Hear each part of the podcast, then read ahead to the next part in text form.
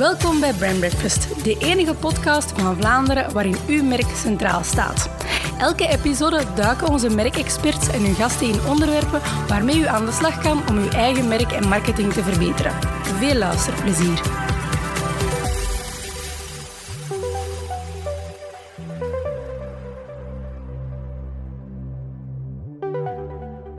Goedemorgen, beste luisteraars. Goedemorgen, Stef, die hier tegenover mij zit. Dag Michael, hallo. Goedemorgen. Stef, uh, we zijn hier vandaag aanwezig voor een uh, episode 10 intussen van onze Brand Breakfast, een jubileum-editie. De tijd vliegt wanneer je je amuseert. Voilà, we hebben toch uh, in geslaagd om elke maand een podcast-aflevering op te nemen met allerlei inzichten over branding en marketing. En dat gaan we vandaag ook doen. misschien kan jij eens vertellen aan de luisteraars welke topics we vandaag voor ogen hebben. We hebben weer heel wat op het programma staan, Michael. We gaan het hebben over een van mijn favoriete topics van de afgelopen tien jaar al. Ik heb daar links eigenlijk wel eens een boekje over geschreven. Personal branding. Klopt, helemaal in jouw bakermat. Helemaal in mijn comfortzone ook, maar uh, zeer uh, relevant topic nog altijd vandaag. Dus daar gaan we het al zeker over hebben. We gaan het ook hebben over sponsoring. Want dat is iets waar we geregeld van klanten ook vragen over krijgen. Namelijk van, hoe zorg je dat sponsoring oplevert voor je merk? Ja. En tenslotte gaan we het hebben over sonic branding. Alles wat geluid is. Niet alleen geluid in een podcast, maar ook ja, welk geluid maakt je merk. En dat is uh, iets om over na te denken. Voilà, veel stof om over te discussiëren, Stef. Laat ons er meteen in vliegen.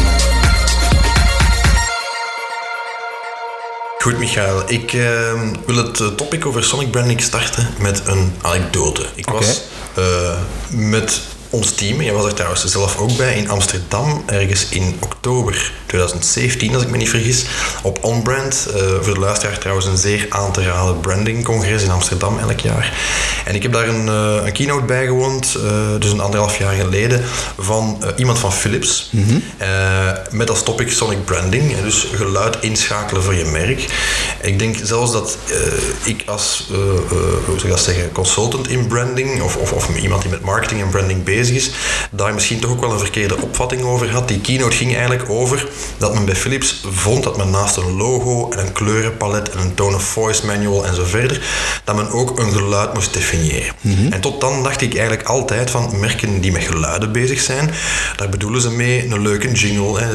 Een Van den Borre ja, heeft goed meer gekozen. vanuit de reclame voilà. ja. Jingletjes voor de radio of voor reclame en dergelijke meer. Maar eigenlijk Sonic Branding gaat over een veel breder palet aan geluid. Hè. Dat is mm -hmm. ook Bijvoorbeeld het geluid dat een deur van een auto maakt als ze hem dicht gaat, of het geluid dat een koekje maakt als je erin bijt. Maar dus ook geluiden, in het geval van Philips, voor appjes. Hè. Welk geluid maakt een knopje op ja. een dvd-speler of, of, of uh, uh, een, een, een button die je aanklikt uh, in een app. Voilà, of een, of een automotor die optrekt, hè. dat voilà. soort iconische geluiden. Ik vond dat geweldig interessant, maar dan bedacht ik mij ook van ja, moeten wij als merken eigenlijk allemaal massaal investeren in geluid voor ons merk? Hoe belangrijk is geluid eigenlijk? Ja, dat is inderdaad een interessante vraag, Stef. En het klopt dat wij misschien vanuit branding uh, misschien iets te vaak focussen enkel op het visuele stuk en het uh, geschreven stuk van een merk. Ja, ja. Uh, nu, ergens is dat een, een, logische evolutie geweest, ook in de voorbije jaren. Zie je dat heel wat media een stuk visueler zijn geworden. Mm -hmm. als je kijkt bijvoorbeeld naar sociale media en alles wat digitaal is, ligt de focus echt op beeld en video en geschreven ja, teksten. streaming van toestanden. Exact. Hè. je merkt daar ook bijvoorbeeld in smartphone gebruik dat heel veel mensen bijvoorbeeld hun geluid ook niet meer opzetten om video's te bekijken. Dus daar wordt dan soms geopperd, is het eigenlijk nog wel nodig dat we geluid voorzien in ja. video's of maar gewoon uh, subtitles of tekst Misschien daarmee dat we zo, zo fan zijn van gifjes, er zit gewoon geen Klopt. geluid in. Ja, ja, ja, en dat is allemaal heel uh, makkelijk uh, behapbaar voor onze ogen. Maar eigenlijk is het een beetje een misvatting om te denken dat het audiostuk dat dat verwaarloosd wordt. Want je ziet langs de andere kant in dat medialandschap zie je wel de opkomst van bijvoorbeeld streamingdiensten, van ook podcasts. Hè. Uh, hier in België is dat nog een beetje beperkt, maar als je kijkt naar onze buurlanden, bijvoorbeeld naar de States, daar is de podcast echt in, uh, in opmars. Hier ook, hè, de onze bijvoorbeeld. Voilà, uiteraard. Hè. Breekt elke keer alle records. Maar wij zijn natuurlijk pioniers in ons vak. Ik zou dat niet durven um, beweren. En eigenlijk ook als we gaan kijken naar gebruik van radio, hè, het aantal luisteraars daar, van de traditionele media, is dat een van de media die eigenlijk nog het meest stabiel gebruikt. Als enige, we houden die stand eigenlijk. Klopt. Hè? En dat komt natuurlijk, Stef, ook omdat uh, alles wat wij uh, qua audio percipiëren mm. is heel passief. Ja, um, het voordeel van een radio of van een podcast is inderdaad dat je hem kan beluisteren terwijl je onderweg bent naar je werk, aan het pendelen bent of aan het sporten bent. Of je bent aan het werken, inderdaad. En dat zijn voordelen van, van het audio-stuk, die eigenlijk vaak op een heel passieve en heel makkelijke manier eh, binnenkomen. Omdat je het ook kunt combineren met andere dingen. eigenlijk. Klopt, inderdaad, ja. En vandaar ook het belang van die sonic branding. Je hebt er juist al een paar toepassingen meegegeven. Dat gaat dan meer over de brand experience die gekoppeld is Ja, aan een merk. Dat zit al meer in merkbeleving. Uh, maar eigenlijk, we zien ook in geluiden dat er ook een stukje, net zoals bij beelden, een stukje herkenning in zit, een stukje emoties bij gekoppeld is. Hè. Bepaalde geluiden die iets triggeren bij mensen. Natuurlijk, ja, dat is de reden dat we wenen bij muziek bijvoorbeeld. Exact, eh, exact. mooi muziekje Ja, horen, of, ik las nu bijvoorbeeld, want ik heb mij over die topic uh, voorbije maanden wat ingelezen, Mhm. zag ik bijvoorbeeld online een, een chart van uh, ja, toonhoogtes die eigenlijk een bepaalde emotie oproepen. Dus Okay. er is ook een bepaalde wetenschap achter uh, die bepaalde zaken definiëren. Uh, natuurlijk, dan zitten we alweer terug weer in die experience, alweer ook terug meer in het reclame-stuk. Maar eigenlijk, wat ook heel belangrijk is, en de boodschap die ik, die ik hier ook wil meegaan rond sonic branding, ook voor KMO's is het vooral belangrijk dat we meer en meer gaan nadenken, hoe klinkt mijn merk? Ja? Um, ik ga direct duiden wat ik daarmee bedoel. Kun je zeggen, bedoel je dan muziek echt specifiek? Of, of, dat kan dat voor een stuk zijn, maar het gaat eigenlijk ook in veel eenvoudigere toepassingen. Okay. De, de, eerste manier van sonic branding die je moet ontwikkelen voor je merk, is gewoon hoe dat je merknaam klinkt. Ah ja, juist, ja. Uh, dan heb ik het bijvoorbeeld over de manier waarop hij wordt uitgesproken. Mm -hmm. um, ja, als er al zekere verwarring in is, hè, hoe dat je een merknaam uitspreekt, kan dan al ja, uh, nefaste gevolgen hebben voor herkenbaarheid bijvoorbeeld. Mm -hmm. uh, maar ik denk even goed aan bijvoorbeeld wie een telefoon opneemt en je hebt daar een, een, een voicemail berichtje of een tussenberichtje van, van een persoon die iets gaat zeggen. Ja. ja, dat geeft ook een bepaalde stijl en een bepaalde emotie mee over dat merk. Hè? Dus ook in die hele kleine toepassingen uh, zit er eigenlijk een, een, groot stuk van sonic branding in. Dus ook in ons ja. stemgeluid op dit moment eigenlijk. Bijvoorbeeld, inderdaad. Hè? Je kan even goed zeggen, uh, een verkoper die aan de telefoon krijgt, zijn stemgeluid Hmm. mm. hè, vertegenwoordigt ook een stuk het merk. Want dat is eigenlijk, ja, als je een telefonisch gesprek voert, heb je niks van visuele cues. Tuurlijk, ja. Kan je de persoon tegenover je niet zien.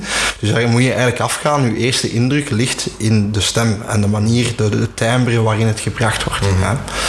Um, het is daarin belangrijk dat uh, merken zich bewust zijn, enerzijds inderdaad van de complexiteit van hun merknaam. Hè.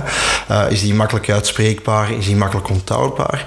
Maar dat is ook eens nadenken van, kijk, stel nu ik maak ooit een reclamespot of ik laat mensen de telefoon opnemen. Mm -hmm. uh, op welke manier moeten zij dat uitspreken en hoe, op, op, ja, op welke manier, op welke toonhoogte of op welke stijl moet dat gebeuren? Okay. Een van de redenen dat ik dat ook aanhaal, Stef, is omdat we daar ook ergens een mogelijke evolutie zien in de komende jaren. Um, in de opmars van toestellen zoals bijvoorbeeld Alexa. Ja, hè? smart speakers. Uh, smart speakers, AI-technologieën die meer en meer ook gaan rekenen, uh, rekenen niet alleen op geschreven teksten of op uh, visuele cues, maar ook op stemgeluiden van anderen. Ja. Uh, als ik aan mijn Alexa zeg van ja, bestel mij eens een pak chips, mm -hmm. ja, dan begint de oorlog daar op Google. Hè, welk type chips gaat Alexa aan mij voorstellen? Ja. Maar als ik een, een audio cue heb en die, een bepaald merk zit in mijn geheugen, qua klanken en qua, qua, qua merknaam, mm -hmm. dan kan ik ook zeggen, oké, okay, ik wil een, een, een zakje lees chips ja, hebben, bijvoorbeeld. ja, uh, dus daar ook in, in meerdere artikelen wordt daar ook aangegeven naar het belang daarvan, van niet alleen de geschreven herkenning of de visuele herkenning door bijvoorbeeld een logo of kleuren die gekoppeld zijn aan een merk, maar ook de audio-herkenning daarvan. Hè. Klanten moeten hoe langer hoe meer uh, dat merk kunnen onthouden en zelf ook moeten kunnen uitspreken naar dat soort technologie. Ja, dat is eigenlijk eh, een basis somatische marker, hè, zoals we dat zeggen in, in, in customer experience. Hè. De mens wordt geboren met een, een, een wit uh, sneeuwtapijt in zijn hersenen, bij wijze van spreken. En je gaat associaties maken door de voetstapjes die in die sneeuw staan, ja. die somatische markers. Mm -hmm. Dat is bijvoorbeeld ook waarom we een heel, een heel deel uh, uh, van ons consumentengedrag is daardoor bepaald. Dat ik ben, ben een paar maanden geleden papa geworden. Mm -hmm. er werd mij gezegd, toen mijn echtgenote hoogzwanger was, ja, je moet tegen die kleine spreken, je moet tegen die buik spreken. Ja. Je moet klassieke ja, muziek opzetten, want je kind wordt daar slimmer van geboren en die gaat je stem herkennen en dergelijke Mhm. meer. En het is inderdaad opvallend. Hè? Dus mijn, mijn vrouw, wanneer die uh, uh, ons dochtertje vast heeft, dat ze uh, ongelukkig is of huilt, of, ja. Ja, en die herkent die stem uit, uit de honderden. Hè? Dat is natuurlijk mm. puur evolutionair. Maar dat zit eigenlijk, ja, later in ons leven speelt dat ook nog een rol. Hè? Met voilà, muziek, met geluiden, allerhande. Er zijn bepaalde triggers. Hè? en inderdaad, hetzelfde, al is dat maar een, een social media post waarin jij als merk een video deelt van een halve minuut. Mm -hmm. Ja, als je daar bijvoorbeeld stokmuziek op gaat zetten, daar ook. Het gaat niet per se over wat jij mooi vindt, maar welke muziek het beste past bij je brand. Natuurlijk, en dezelfde uitstraling heeft als uw, uw logo en uw, exact, uh, uw brandstory. Ja. En inderdaad, ik geloof in een van onze episodes hebben we het gehad over beeldtaal. Hè. Uh, ook die audiotaal uh, is daarin heel belangrijk. Okay. er wordt ook aangeraden, zeker voor grotere merken, dat ze inderdaad, zoals je in het begin ook aanhaalde met het voorbeeld van Philips, naast een klassieke brand manual, ook eens gaan nadenken over een Sonic brand manual. Hè, Sonic identity, zoals ze dat soms noemen. Uh, waarin inderdaad wordt nagedacht over het breed spectrum van hoe moet een merk klinken, uh, welke stemmen moeten het merk uh, vertegenwoordigen, welke muziek moet eraan gekoppeld zijn, welke geluiden worden eraan gekoppeld. Want inderdaad, het triggert heel sterk op emoties. En blijkt zelfs uit bepaalde onderzoeken, las ik, heeft soms ook een, een grote impact op aankooppreferentie. Mm -hmm. Als jij in een winkel binnenkomt niet, en de muziek daar staat u niet aan, of catert niet aan naar het bepaalde doelpubliek, ja, dan kan dat mogelijk ook een aankooppreferentie verminderen. Hmm. Uh, daarom dat wij ook altijd zeggen aan klanten als kleine quick win, in plaats van in de winkel gewoon de radio op te zetten, maak een Spotify playlist, die heel uh, typerend is voor de identiteit die je uitstraalt. Ja, en dat is niet evident, hè, want dat zit wel op, het stuk van retail branding, waar ook wel wat lezingen over heel specifiek. Van, van inderdaad, er is bepaalde muziek die, die allee, met, met de, de beats per minute, hè, de tempo mm. van de muziek, kan je bijvoorbeeld bepalen. Hè, blijkt ook uit studies hoe snel iemand door een ruimte, door een winkel bijvoorbeeld wandelt. Hè. Kan je iemand trager laten wandelen. Het volume uh, voor bepaalde doelgroepen kan niet luid genoeg zijn. Voor anderen, uh, uh, ja, zonder dat ze het zelf merken, stoort het hun, hun koopgedrag bijvoorbeeld. Dat is, ja. dat is een, een, wetenschap op zich natuurlijk. Hè. Niet evident, denk ik, als je een kleine winkel hebt om daar helemaal in, in mee te zijn, maar wel iets om over na te denken. Iets om over na te denken. En ik denk dat er zeker een aantal quick wins in zitten met de tips die we al gegeven hebben. Tuurlijk.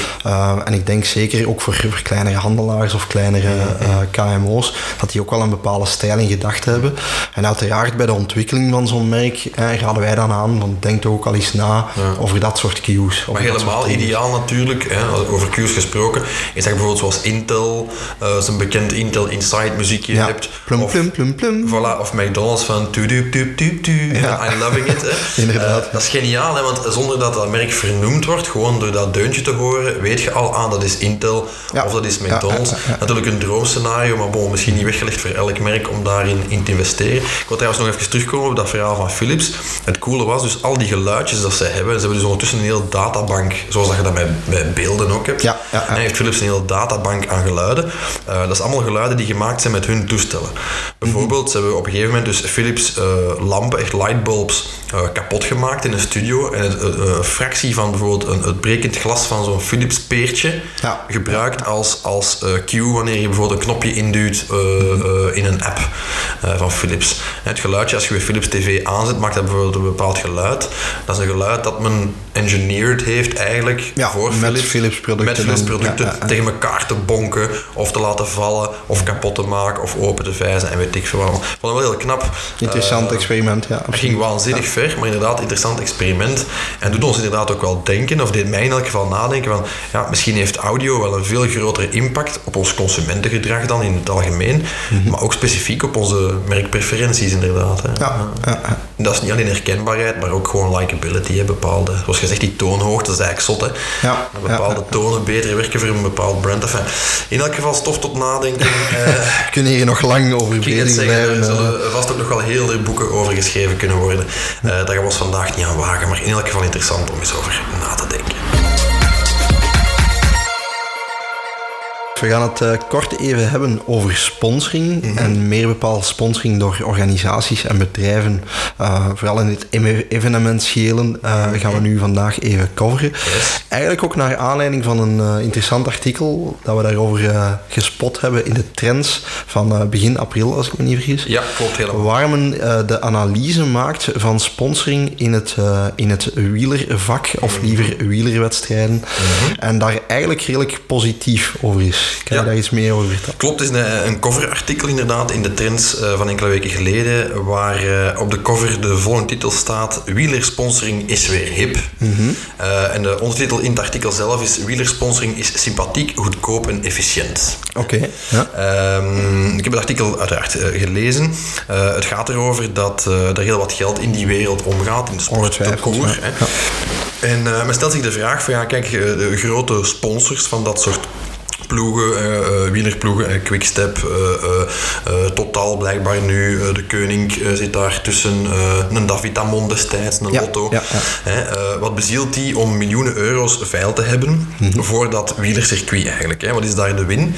Um, en dat deed mij denken eigenlijk aan de, de bigger picture van sponsoring in het algemeen voor merken. Want dat is een, een vraag die ik ook geregeld van klanten krijg, zowel kleine als grote uh, ja, is, is dat nuttig? Levert ja, dat op? Is dat relevant? Levert dat op? Zo ja, wat levert dat op? Mm En daarom ik het interessant vond om het ook een keer te bespreken in de podcast. Want dat is inderdaad een vraag waarop niet zomaar een ja of nee antwoord te geven is. Ik heb de indruk voor sommige bedrijven dat dat waanzinnig oplevert. Mm um, wat zich vertaalt in het feit dat ze dat jaren aan een stuk blijven volgen volhouden. En dan denk ik, ja, dat kan niet alleen de sympathiefactor zijn voor een voetbalploeg of voor een bepaald evenement dat uh, jaarlijks terugkeert. Mm -hmm. Daar moet iets meer achter zitten. Ja, dus natuurlijk een beetje te zien ook uh, waar dat je je uh, KPI gaat leggen wat rendementen betreft. Hè. Want wat wil je meten eigenlijk? Voilà, wat, wat, wil je daar uithalen? Hè? In eerste instantie spreken natuurlijk, ja, wil je als bedrijf toch al zeker vanuit een commerciële instelling bepaalde sales gaan verhogen of loyaliteit gaan verhogen. Maar ik denk dat daarin ook nog een heel aantal tussenstappen in zitten die wat meer indirect zijn. Mhm. Uiteraard brand exposure zit daar een stukje in. Herkenbaarheid van een merk gaan verhogen. Ja, maar dat is variabel. Hè? Wat, wat dat is, wat is de return daarvan? Ja. ja, dat, Allee, vroeg of laat moet het opbrengen. Mhm. Maar inderdaad, zoals je zegt, ik denk een heel stuk daarvan zal indirect zijn. Hè? Want ja, exposure, ja. het feit dat duizenden mensen uw naam kennen, wil -hmm. helemaal niet zeggen dat die allemaal klant worden bij u. Nee, dat klopt. Hè. Uh, nu, er zit ook, een, als we dan een stapje verder gaan, als je dan gaat kijken naar een buying cycle, hè, want even terug naar de theorie te brengen. Mm. Natuurlijk een stukje awareness, waar mensen moeten weten welk merk dat je bent en dat je überhaupt bestaat. En uw naam moeten kennen. Van, voilà, uw naam moeten kennen, dat moeten associëren met een bepaald aanbod van producten of diensten. Mm -hmm. Maar je hebt inderdaad wel een stukje ook weer emotie of appreciatie die je gaat, gaat kweken voor een merk. Misschien omdat je ze ook gaat linken aan bepaalde associaties. Mm -hmm.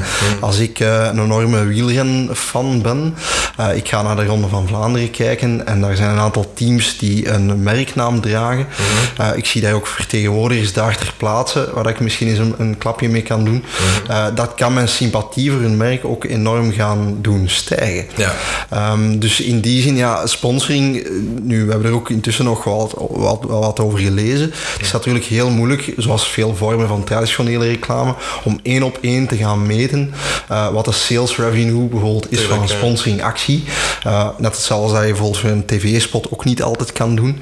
Ja. Natuurlijk, ja, die return ligt daar, ligt daar in heel veel zaken. Hè. kan bijvoorbeeld ook zijn... Ja, geef eens wat voorbeelden van return, want dat is, dat is altijd zo vaag dan. Hè. Buiten het feit dat je exposure krijgt, oké, okay, dat is tof. Mm -hmm. uh, je hebt merken die dat puur doen omwille van hospitality redenen. Die zeggen, ja, ik wil ja, kunnen klanten uitnodigen in voilà. de loge van een voetbalclub die ik sponsor of, of dat soort zaken. Mm -hmm. uh, dat, is, dat, is, dat is één reden. Een tweede reden is natuurlijk ja, dat je gewoon aanwezig bent op plaatsen waar je, je getarget doelpubliek echt aanwezig is. Als jij als, uh, als bank een, een ondernemers-event gaat uh, sponsoren en je hebt de doelstelling, wat dat de meeste banken denk ik in Vlaanderen wel hebben, om zich te profileren als een, bank die voor ondernemers ja. van alles kan doen. Ja. ja. dus die associatie daar gaan leggen. Een stukje kan mogelijk ook liggen in het minen van data, hoewel ik daar ook natuurlijk een beetje voorzichtig in moet zijn. Juridisch gewijs. Uh, is vanuit, zeker uh, met de ja. GDPR-wetgeving en dergelijke, maar vroeger zeker en vast waren dat soort evenementen uh, voor sponsors ook een uniek moment om kennis te maken met die deelnemers en daar ook bepaalde gegevens van te verkrijgen. Juist. Hè, dus ook exact te weten van oké, okay, ons doelpubliek dat we willen hebben, bevinden ze die, die zich, wat is hun gedrag, waar gaan die naartoe? Mm. En op basis daarvan misschien ook uw marketingacties een stuk gaan aanpassen. Okay. Um, denk een vorm van return kan ook zijn natuurlijk in, in alles wat networking is. Hè. Zeker in het evenementiële, wat ik er straks uh, ja, exact, al ja. aanhaalde. Aanwezig zijn um, en echt face-to-face. -face, uh. Voilà, ik denk, denk als, als bedrijven kiezen om te sponsoren, het zou stom zijn als ze gewoon kiezen van oké, okay, we gaan ons logo ergens zetten mm. en zonder meer daar niks verder mee gaan doen. Ik denk ja. op zo'n evenement hebben zij ook de keuze uh, of de kans om hun Pappenheimers, hun gezichten uh, in de forefront te duwen en eigenlijk op een informele manier kennis te laten maken met, uh, met mogelijke klanten van hen. Ja. En eigenlijk maakt het dan niet uit of je bij wijze van spreken uh, Anderlecht sponsort en dat op zo'n groots aanpakt of, of, of de Memorial van Damme zoals AG Insurance dat Mhm. bijvoorbeeld doet. Of dat je je lokale voetbalploegje om de hoek sponsort, is dat dan een verschil? Ik denk dat er wel een verschil in zit, natuurlijk in eerste instantie qua kosten, hè, dat spreekt voor zich. Ja, maar er moet toch ook een zekere fit uh, zijn met het merk. Hè. Uh, het is belangrijk dat er events gekozen worden um, waar het merk zich mee kan identificeren. Ja. Ik gaf er net het voorbeeld van een bank aan. Ja, als zij uh, de Memorial van Damme zouden sponsoren, bij wijze van spreken, is nu wel AG als ik me niet vergis, die dat doen. maar inderdaad, het voorbeeld dat ik gaf, een ondernemers evenement, Mhm. ja, dan gaan ze echt wel een fit hebben, omdat zij ook voor die ondernemers een bepaald gamma hebben. Zeker als het dan over wedstrijden gaat of trainingen en dergelijke. Zij hebben er ook, ja, zij willen natuurlijk ook de impressie geven dat ze ondernemers beter maken. Mhm. Hè? Dus het feit dat zij daar gaan sponsoren, is een logische keuze in hun strategie, omdat zij eigenlijk de claim willen maken van kijk, wij ondersteunen ondernemers op elke mogelijke manier. Ja. AG zegt bijvoorbeeld ook, wij zijn supporter van jouw leven, heel letterlijk en figuurlijk. Hè? Wij helpen u uh, ondersteunen als het wat minder gaat, hè, door allerlei verzekeringen. Hè, maar we gaan u ook supporteren door gezonder te leven. Uh, ergo, we gaan uw levensstijl dermate uh, erop vooruit dus helpen, misschien sportief. Sport, ja. en daarom gaan we een link leggen met, met het sportieve. Hè. dus ik denk dat het vooral belangrijk is voor bedrijven, allee, correct me if I'm wrong, misschien ja. heb je daar een andere mening over, um, dat ze heel selectief zijn in wat ze gaan sponsoren. Ja. En daar is natuurlijk nog een, een verschil als je zegt van uw zoon of dochter ga ik daar de, de lokale volleybalploeg gaan sponsoren. Ja, dat is meer uit sympathie, denk ik. dat is zoals uh, wij met Pavlo bijvoorbeeld JCI sponsoren. Ja, ja, ja, er is wel return indirect, maar ik denk dat het vooral ook uit sympathie is voor die organisatie. Het is, het is een, een stuk uit sympathie, omdat we geloven in die missie. Hè. Mm -hmm. uh, daar zit nog een verschil in, maar voor de rest denk ik dat het vooral belangrijk is, enerzijds daar de juiste fit te kiezen, mm -hmm. en ten tweede uh, te bekomen dat je uit die sponsoring zoveel mogelijk haalt, door er zelf aanwezig te zijn en zo visibel mogelijk te zijn, op alle mogelijke manieren. Hè. Ik heb, ik heb daar twee belangrijke vragen over. Ik zal de eerste heel, heel bruut stellen. Wordt er niet heel veel sponsorbudget ver, ver, uh, verspild eigenlijk door bedrijven die gewoon inderdaad puur uit sympathie, zonder na te denken over return of daar geen strategie hebben? Ja, ik, ik denk het is een stuk legacy ook vaak. Hè. Bedrijven die al jarenlang een, uh, een, een, bepaald event of een ploeg ja, of iets dergelijks uh, gaan sponsoren. Ik denk natuurlijk ook, maar bon, daar ga ik mij nu niet over uitspreken, dat er ook een fiscaal component waarschijnlijk ah, aan verbonden ja, zit. ja, of een financieel-technisch component dat we, niet, dat we niet uit het oog ja, in de mogen spreken ze daar inderdaad ook wel over. Dat er Tuurlijk, wel een fiscale interessante... Dus dat, dat speelt uiteraard ook wel een rol. Tuurlijk, eh, ja. dat daar ook wel, als ik kijk naar, naar modernere vormen, zoals een tax shift regeling bijvoorbeeld, dat is dan ja. geen zuivere sponsoring. Maar ja, bedrijven hebben enerzijds sympathie voor de media die ze steunen daar, films en tv-series, maar ze weten dat ze er ook een return uit krijgen, uh, uit een fiscaal voordeel daar. Hè. Uh, dus dat speelt denk ik een rol. Maar ik ben wel akkoord dat er volgens mij ook niet altijd even kritisch wordt nagedacht over wat er gesponsord wordt. Mm. Het kan volgens mij perfect zijn dat de Anderlecht bijvoorbeeld bepaalde sponsoren heeft, gewoon enkel en alleen omdat de CEO fan is, een ja. grote fan is. Ja. Of dat er vanuit de directie uh, uh, daar een, uh, een heel grote sympathie is voor die oh, ja, Ik denk automatisch aan mijn schoonvader die sponsor is van een ploegje in, wat is het, derde provinciaal of zo. Ik, ik, ja. ik ben totaal niet mee in sport, dus ik weet eigenlijk niet in welke -hmm. categorie dat die, die mannen voetballen. Maar -hmm. ja, dat is puur uit sympathie. Is supporter sinds kind af aan. Ja, heeft dat thuis meegekregen. Woont ook in het dorp waar die ploeg speelt. Dus ja, uiteraard zit, zit hij daar in het bestuur en is die trouwens sponsor al 20, 30 jaar. Ja, natuurlijk. Ik denk dat je bijvoorbeeld ook niemand onderschat als we terug het voorbeeld nemen. Pak bijvoorbeeld van een club zoals Anderlecht. Hè. Als je daar in die business loges zit en je bent daar aanwezig als uh, directielid of als uh, accountmanager van, van een bank bijvoorbeeld. Ja. ja en uh, je, je, maakt daar kennis met mensen. Ja, die mensen hebben daar op een gegeven moment ook een bepaald netwerk dat ze daar gaan opbouwen. Mm -hmm. um, ja, als zij op een gegeven moment die sponsoring en die sheets gaan weggeven, ja. terug openstellen, lopen zij ook het risico dat er een andere speler, een concurrent misschien mee gaat lopen. Hè. Uiteraard. Dus er zit ook een groot netwerking component aan verbonden, dat denk ik ook niet te onderschatten is. Nee. Tweede vraag misschien daaraan gekoppeld, hè, want je had bijvoorbeeld Anderlecht aan. Opnieuw, ik volg dat allemaal niet, maar ik heb begrepen dat ze het niet altijd even goed uh, doen -hmm. dit seizoen bijvoorbeeld. Um, dat heeft toch ook een risico van u daaraan te liëren. Dus bijvoorbeeld aan sport, maar ook aan andere evenementen. Stel nu dat een, een, een, een, een voetbalploeg in opspraak komt, in, ja, in, in, ja, in ja, of, of een bepaalde organisatie die een evenement organiseert. Ik herinner me destijds de Heisa bij Miss Belgium Beauty hè, in Jaskrombeek. Kennen we die nog, als het over personal branding gaat in deze episode, hè, speciaal geval. Maar dus die, die, die, die kwam in opspraak, heel die organisatie kwam daardoor in opspraak. Mm -hmm. uh, leverde ook wel problemen op voor sponsors, dacht ik. Dat klopt. En je ziet dat ook in de praktijk. Hè. Hetzelfde met sportfiguren. Hè. Als je kijkt naar een Lance Armstrong, die heel veel sponsordeals ja, had, op een gegeven moment gepakt wordt met dopingschandalen, ja. waar je eigenlijk uh, sponsors niet snel genoeg uh, hun, hun, uh, hun arm terugtrokken en zeiden van, ja, kijk, we distancieren ons daarvan. Ik denk dat dat een kwestie is om, ja, om juist te reageren als merk en te kiezen van, oké, okay, willen we daar nog mee gelieerd zijn of niet? En ik denk dat de meeste merken daar ook al hun conclusies rond maken. Nu, als je het hebt over sportieve prestaties, dat is voor mij nog een andere kwestie. Ja. Als Anderlecht bijvoorbeeld een minder goed seizoen draait, weet ik niet of dat al een, een issue geeft naar het imago van hun sponsors. Natuurlijk, als zij morgen zakken, dat zal nu niet gebeuren in dit seizoen. Nee, okay, als morgen een eerste klasse uh, ploeg zakt naar 1B, ja. ja. dan weet een sponsor natuurlijk ook dat er misschien minder mensen naar kijken. Mm. Dat uh, die, die, die broadcasting ook veel uh, beperkter zal zijn. Mm. Um, dus dat heeft natuurlijk wel gevolgen dan naar het bereik dat zo'n uh, ploeg heeft naar, naar hun potentieel doelpubliek. Ja. Dus conclusie is zeker en vast overwegen van te sponsoren, mm -hmm. maar probeer dan een strategie te hebben enerzijds. Ja, ik denk uh, ja, en inderdaad. een fit te creëren met het publiek uh, van het gesponsorde evenement of de gesponsorde ploeg. Klopt, ja. Ik denk inderdaad hè, die strategie en die fit, dat hoort er bij mij een beetje op, op hetzelfde niveau. Hè, dat je inderdaad ziet dat je de, de juiste keuze in maakt.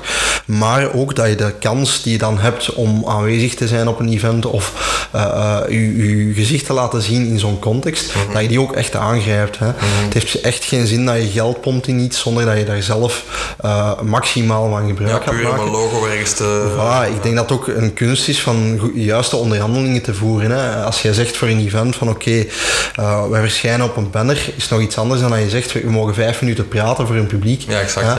Ja. de tweede is waarschijnlijk meer waard. Hè. Mm -hmm. dus dat is ook te overwegen. Wat krijg je als return terug uh, van zo'n organisatie die je sponsort, mm -hmm. um, die u extra credibiliteit of extra bereik kunnen opleveren. Ja. ja. Oké, okay, mooi. Ja, misschien ter afsluit nog, ja, blijf ook vooral uit sympathie sponsoren, zou ik zeggen. Dat is een persoonlijke oproep ja. Dat doen wij trouwens ook van onze kant. Ik ging net dus, zeggen, uh, dat is belangrijk. Er zijn heel wat uh, westenmerken die luisteren, er zijn heel wat verenigingen en ploegjes en sporters en individuen en uh, goede doelen die, die rekenen op uw sponsoring, of het u nu return opbrengt of niet. Uh, alleen uit sympathie blijft dat ook zeker en vast, uh, zeker en vast uh, doen in de toekomst. Zo, Stef, dan zijn we aan een topic aangekomen dat jou wel nauw aan het hart ligt, als ik me niet vergis. Zeker, zeker. Uh, en toch ook in de, het Vlaamse ondernemerslandschap de laatste jaren wel wat, uh, wat hot is, of in ieder geval toch wel aan belang gewonnen heeft. Mm -hmm. En dat is personal branding. Um, ik krijg daar af en toe ook wel vragen over van collega-ondernemers. -hmm. Hier en daar ook wel wat infosessies uh, over zien passeren. Over het belang van een, uh, een, een, een, menselijk merk, om het zo te zeggen. Ja. Of liever uh, het merk dat jij zelf bent als ondernemer of professional. Mm -hmm. Ja, inderdaad. Uh, je zegt van het is hot geworden, uh, ja en nee. Uh, ik vind dat het al, al, al hot is sinds de oudheid. Ja, ja, in die zin dat dat...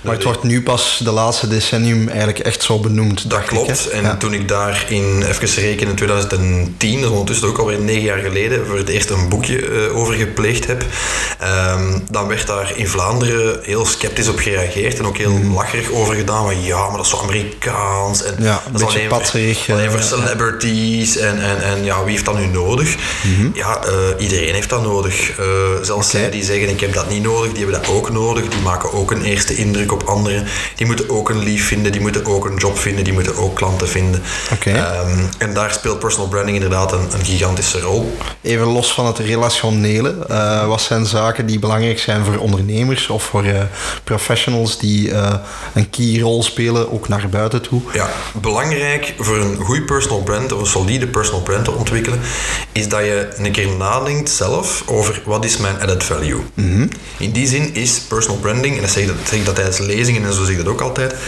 is in die zin niet anders dan corporate branding. Mm -hmm. Het gaat er eigenlijk over dat je voor jezelf een USP op een of andere manier moet determineren. Dat is natuurlijk moeilijk, want corporate brands zijn er minder dan dat er mensen zijn. Er zijn 8 punt zoveel miljard ja. mensen op deze aardbol. Ja, ja. Dus dat is moeilijk om je als uniek te onderscheiden.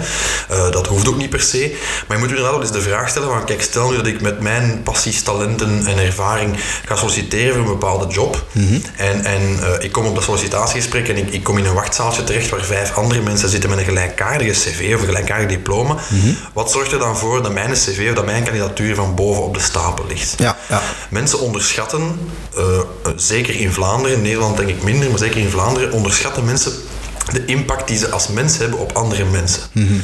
Uh, mijn voormalige vernoten, die, die ook met personal branding heel veel bezig was, die zeiden ook altijd van mensen kiezen mensen. Mm -hmm. Recruteerders kiezen mensen wanneer ze iemand uh, aannemen voor een job. Hè. We noemen dat dan de klik, hè, de fameuze klik die je moet ja, hebben. Ja, de personal... Uh, voilà. ja. Alsof we allemaal in een eeuwige datingshow zitten, moeten we altijd maar een klik hebben met elkaar. Maar wat is dat dan, die klik? Mm -hmm. En heel veel van die dingen zijn te herleiden dat is zoals consumentengedrag in corporate branding, tot heel basale psychologische en antropologische uh, principes. Een heel goed voorbeeld daarvan is de eerste indruk. Waar komt dat vandaan? Hè? Je kent allemaal het cliché van uh, de eerste indruk, van je hebt maar één kans op een eerste indruk en dat is maar een paar milliseconden dat je krijgt. Mm -hmm. Dat is een cliché, maar dat ook keihard klopt. Hè? Mm -hmm. En dat heeft te maken, heel simpel, met onze oerhersenen, die redeneren van, van ja, ik heb maar een paar milliseconden om te beslissen of iets of iemand gevaarlijk is voor mij. Of ik daarvan moet vluchten, of ik daar uh, vertrouwen in kan hebben, ja dan nee, of ik daarmee in een gevecht moet gaan en zo verder. Dat okay. fameuze freeze, flight, fight reactie, zoals dat in de psychologie heet.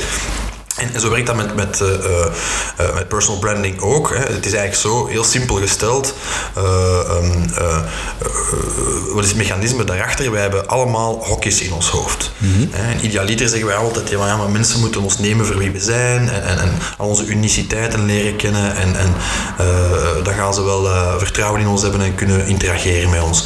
Simpele waarheid is dat onze hersenen daar geen tijd voor hebben. Ja. Als jij iemand nieuw ontmoet op een netwerkreceptie of, of, of op een, uh, uh, weet ik veel wat, op een congres of, of in een klant-leverancierrelatie, dan heb je bepaalde vakjes in je hoofd en na een paar seconden heb je die andere persoon daar eigenlijk al in een van die vakjes gestopt. Ja, onderbewust eigenlijk inderdaad. Voilà, onderbewust, want uiteraard gaat dat allemaal razendsnel, is dat op basis van associaties en perceptie. Is dat altijd eerlijk? Nee. In het Engels zeggen ze never judge a book by its cover, maar wij doen mm -hmm. dat elke dag honderden keren. Okay. Dat kan niet anders. Je moet, je kunt, moet je inbeelden dat je naar de bakker gaat en dat daar iemand nieuw achter een toog staat om je brood in te pakken. Ja, je hersenen hebben niet de tijd en niet de energie om s'morgens voordat je naar je werk gaat te gaan zitten analyseren van wie is die persoon, uh, wat typeert die persoon, wat voor karakter heeft die, kan je die vertrouwen? Nee, je wilt gewoon een brood. Ja. Liefst van iemand die je kunt vertrouwen dat hij dat brood niet met vieze handen heeft vastgepakt of op de grond heeft laten vallen. Mm -hmm. Dus je assest vrij snel, ziet die persoon eruit als iemand die bij een bakker werkt, kan je die vertrouwen om mijn brood in te pakken. Dat gaat allemaal razendsnel en je hebt een indruk gevormd die positief is, dus je gaat daar terug buiten tevreden met een brood. Mm -hmm. Als we dan misschien teruggaan naar, naar de leer van personal branding, als ik, Ja. als ik dat zo mag zeggen. Um, je spreekt het er net over die passies en dergelijke. Je moet een indruk daarmee maken. Gaat het er dan over dat je jezelf op een bepaalde manier in de markt zet of je sterktes gaat belichten? Of uh, ja, moet u dat vooral het laatste eigenlijk. Hè. Dus het gaat over eigenlijk uzelf determineren, wat ik net zeg. Hè. Wat is uw added value als mens? Wat is uw meerwaarde? Waarom moet het voor anderen interessant zijn om met u in interactie te treden, welke dat ook mogen zijn? Mm dan moet je voor jezelf wel definiëren. Als je jezelf niet kent, kun je niet verwachten van andere mensen dat zij gaan weten waarom je interessant bent. Ja, of dat zij dat gaan zien in een eerste indruk. Ja. Waar het niet over gaat, en dat is inderdaad een belangrijke nuance in uw vraag, denk ik. Waar het niet over gaat, is jezelf verkopen als iemand waar je niet bent. Of beter gaan voordoen, of anders gaan voordoen, omdat je denkt dat dat van u verwacht wordt. Ja. Het heeft geen zin om, om overal moeilijke woorden te gaan gebruiken, omdat je per se als intellectueel wilt overkomen. Mhm. Dat is onverstandig, denk ik. Ehm, wat wel belangrijk is, als je weet van oké, dat is een passie van mij, of een expertise van mij, of daar ben ik heel erg goed in, of dat is een talent waarmee ik gewoon geboren ben, of een karaktertrek die ik graag wil uitspelen, dan kan je die wel gaan, gaan accentueren. In die zin van, uh, als we terug over eerste indruk, maar dat geldt dan ook voor de tweede en de derde en de duizendste indruk. Uh, als jij zegt van ik wil op een bepaalde manier overkomen, is het ook wel belangrijk dat je je daarnaar gedraagt. Mm Dat heeft te maken met etiketten, heeft te maken met lichaamstaal, dat heeft te maken met hoe je je aankleedt, uh, dat heeft te maken met welke auto dat je rijdt, met welke pen dat je schrijft, met wat je post op sociale media en zo verder. En heel dat verhaal, opnieuw de analogie met die corporate branding, dat gaat over uw verpakking, dat gaat over uw, over uw naam, dat gaat over uw, uw uh, de kleuren die je in uw advertising gebruikt bij gewoon uh, corporate brand. Dat is bij een personal brand niet anders. Hè? Ja, ja, Iemand die uh, komt solliciteren in een driedelig pak met een, een kravat aan bijvoorbeeld, of in een mantelpakje, dat is anders dan iemand die op zijn flipflops en met een Hawaii hemdje binnenkomt. Ja, ja, ja. En mensen vind ik nog altijd, ook al is personal branding nu ingeburgerder dan vroeger, onderschatten nog altijd de impact van hun presence of hun, hun, hun dingen. En dan hoor ik van mensen, ja, maar ja, die en die heeft het makkelijk, want die is extravert. Of die is uh, met een bepaald charisma geboren. Mm -hmm. Ja, dat zou kunnen. Sommige mensen hebben dat meer van nature in zich. Maar iedereen kan leren om een, om een sterk personal brand te zijn. En daar hoef je echt geen Kim Kardashian voor te zijn. Ja, en ik denk uh, dat extraversie misschien ook niet uitmaakt om een sterk personal brand te zijn. Helemaal ik denk dat er genoeg voorbeelden zijn van, uh, exact. van mensen die, die niet tafelspringer zijn of, mm -hmm. of met een grote mond naar buiten komen. Die, een heel sterk personal brand. Dat is ook een typische misvatting, hè, van ik moet luid zijn of ik moet opvallen of ik moet uitpakken en stoeven met wat ik kan en met wat ik doe. Mhm. Dat is absoluut niet waar. Ik denk een sterk personal brand hoeft zichzelf niet te verkopen, want anderen doen dat voor hem of voor haar.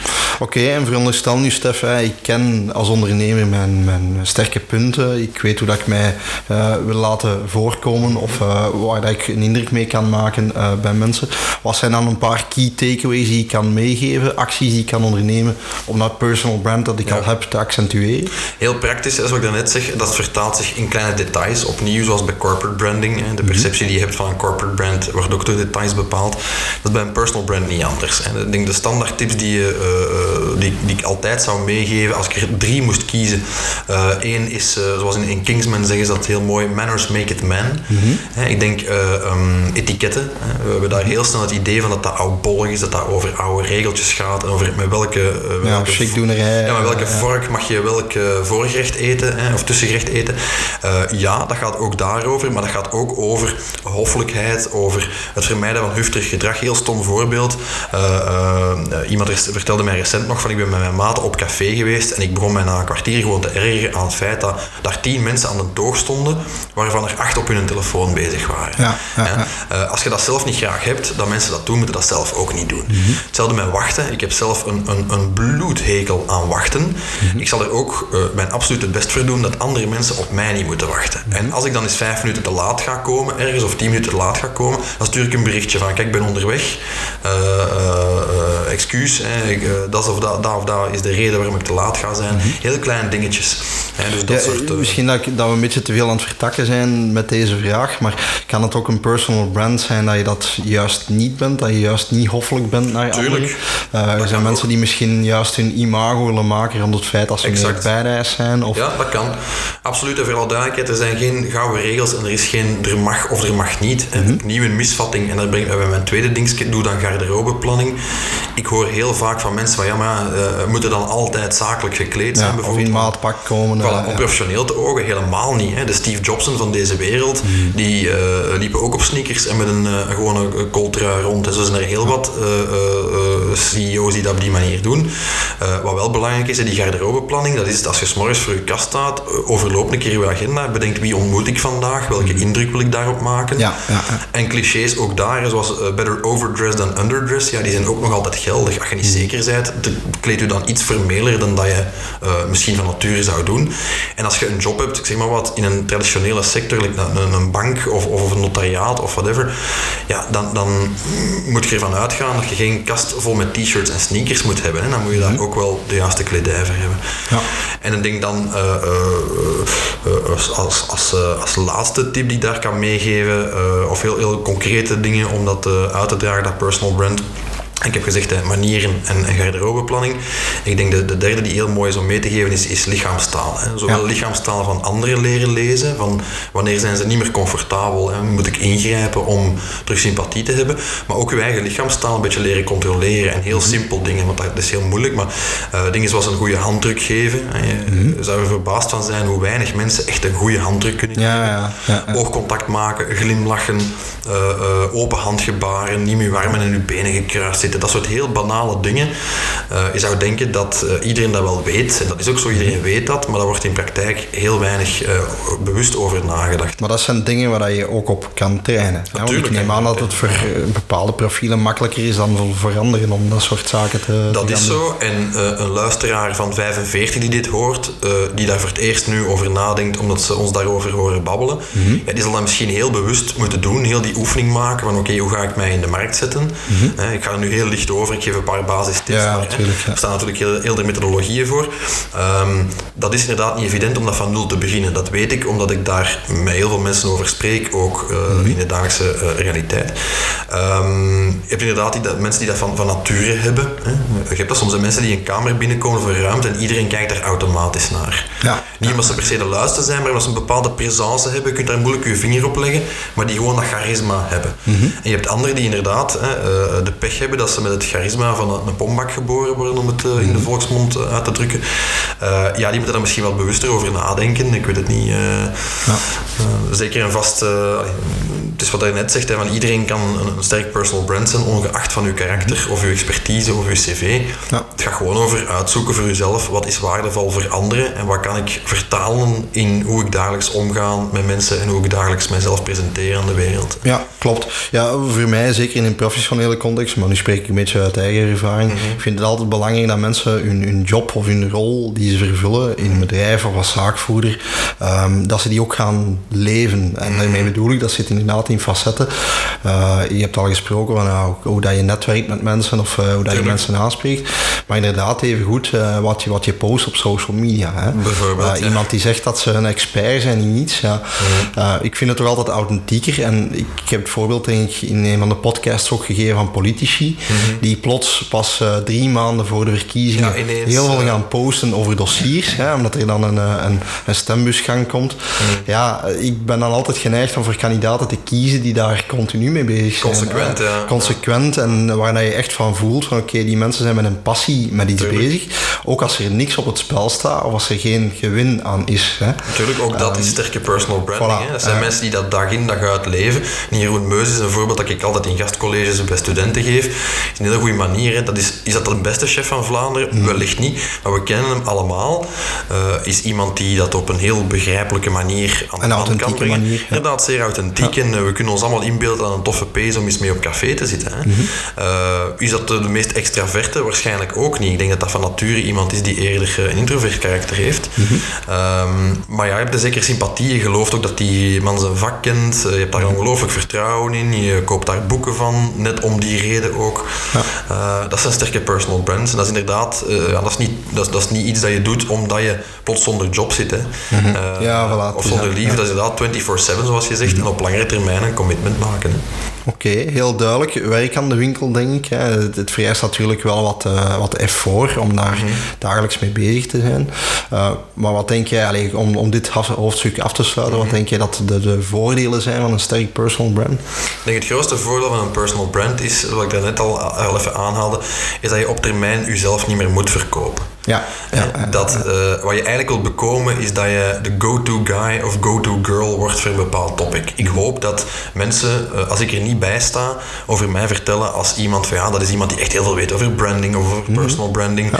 Uh, en zeggen van ja, als, als ze iets opvangen van ja, ik heb een vraag over mijn merk, dat ze zeggen, oh, dan moeten we Stef bellen. Die gast die, die weet daar alles over. Ja. En, en als je dat consequent volhoudt, bijvoorbeeld, ik word geregeld gebeld door journalisten en zo over mijn vakgebied, ja, dat wil zeggen dat zij mijn personal brand toch op een, een of andere manier onthouden hebben. Ja, ja, uh, en u daar als een expert beginnen beschouwen. Hè.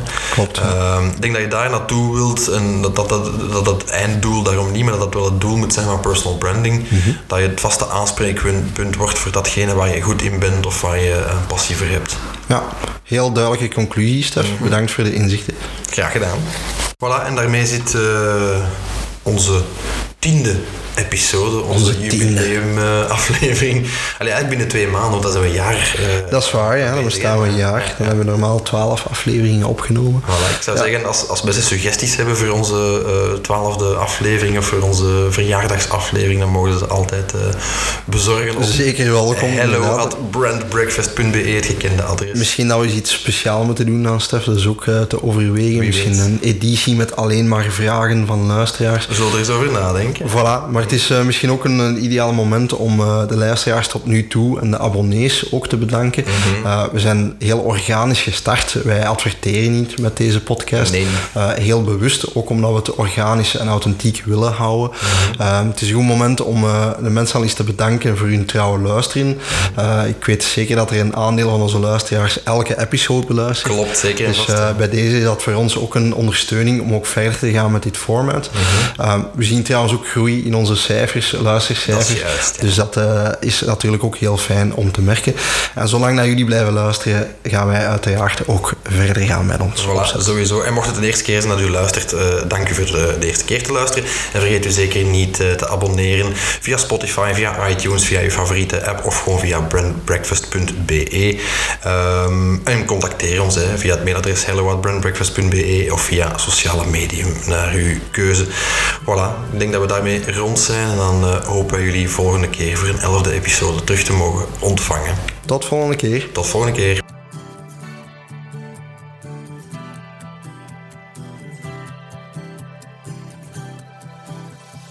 Dit was Brand Breakfast voor deze episode.